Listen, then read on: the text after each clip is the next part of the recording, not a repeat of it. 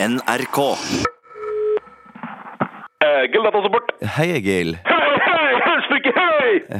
Hei. Been there, done that. Takk til meg. Ja, det er Bjarte Tjøstheim fra P3. Bjarte Tjøstheimsen, a.k.a. Gallionsfiguren, gammelen lik i Bjarte Oline. Kjært barn av mange drittnavn. Ja, det kan du si.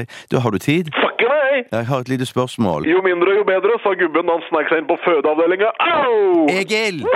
Det var bare en vits, en gag, en spøk, en joke. Den var på kanten, jeg ser den, men vi har fått en ny espressomaskin her på datasupport, og all kaffedrikkinga gjør at jeg blir helt spinnvill! Jeg kaller jo spinnvill! Shoot! Ja, du, jeg skulle gjerne installert iTunes på maskinen min, Oi. men så ser det ikke ut som jeg får lasta det ned. Lol, ass. Har du kikka deg i speilet i dag, Kjøstes? Ja, Hva så du da, Nub? ja, jeg så meg sjøl, Bjarte Tjøstheim. Lol, ass, jeg tror ikke det. Vet du hvem jeg tror du så? Nei? En nuburino fra Nuberud i kongeriket De Forente Noobs! Ja vel.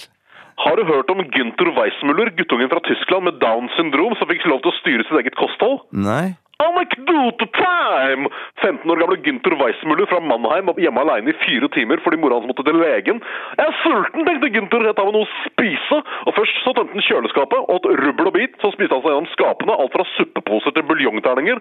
Og Da mora hans kom inn, så fant han med huet nedi dass, daud som en sild og oppblåst som en værballong. Han hadde vel prøvd å spy opp noe av det han hadde putta inn i etehølet, men de rå semulegrynene og all risen han hadde slukt, hadde svella i magesekken hans, og magesekken var spjæra og blod guffet over hele baderomsgulvet. Dessuten så hadde Gunther ekstrem nøtteallergi, og det hjalp ikke at han hadde spist en økonomipakning med chilinøtter akkurat.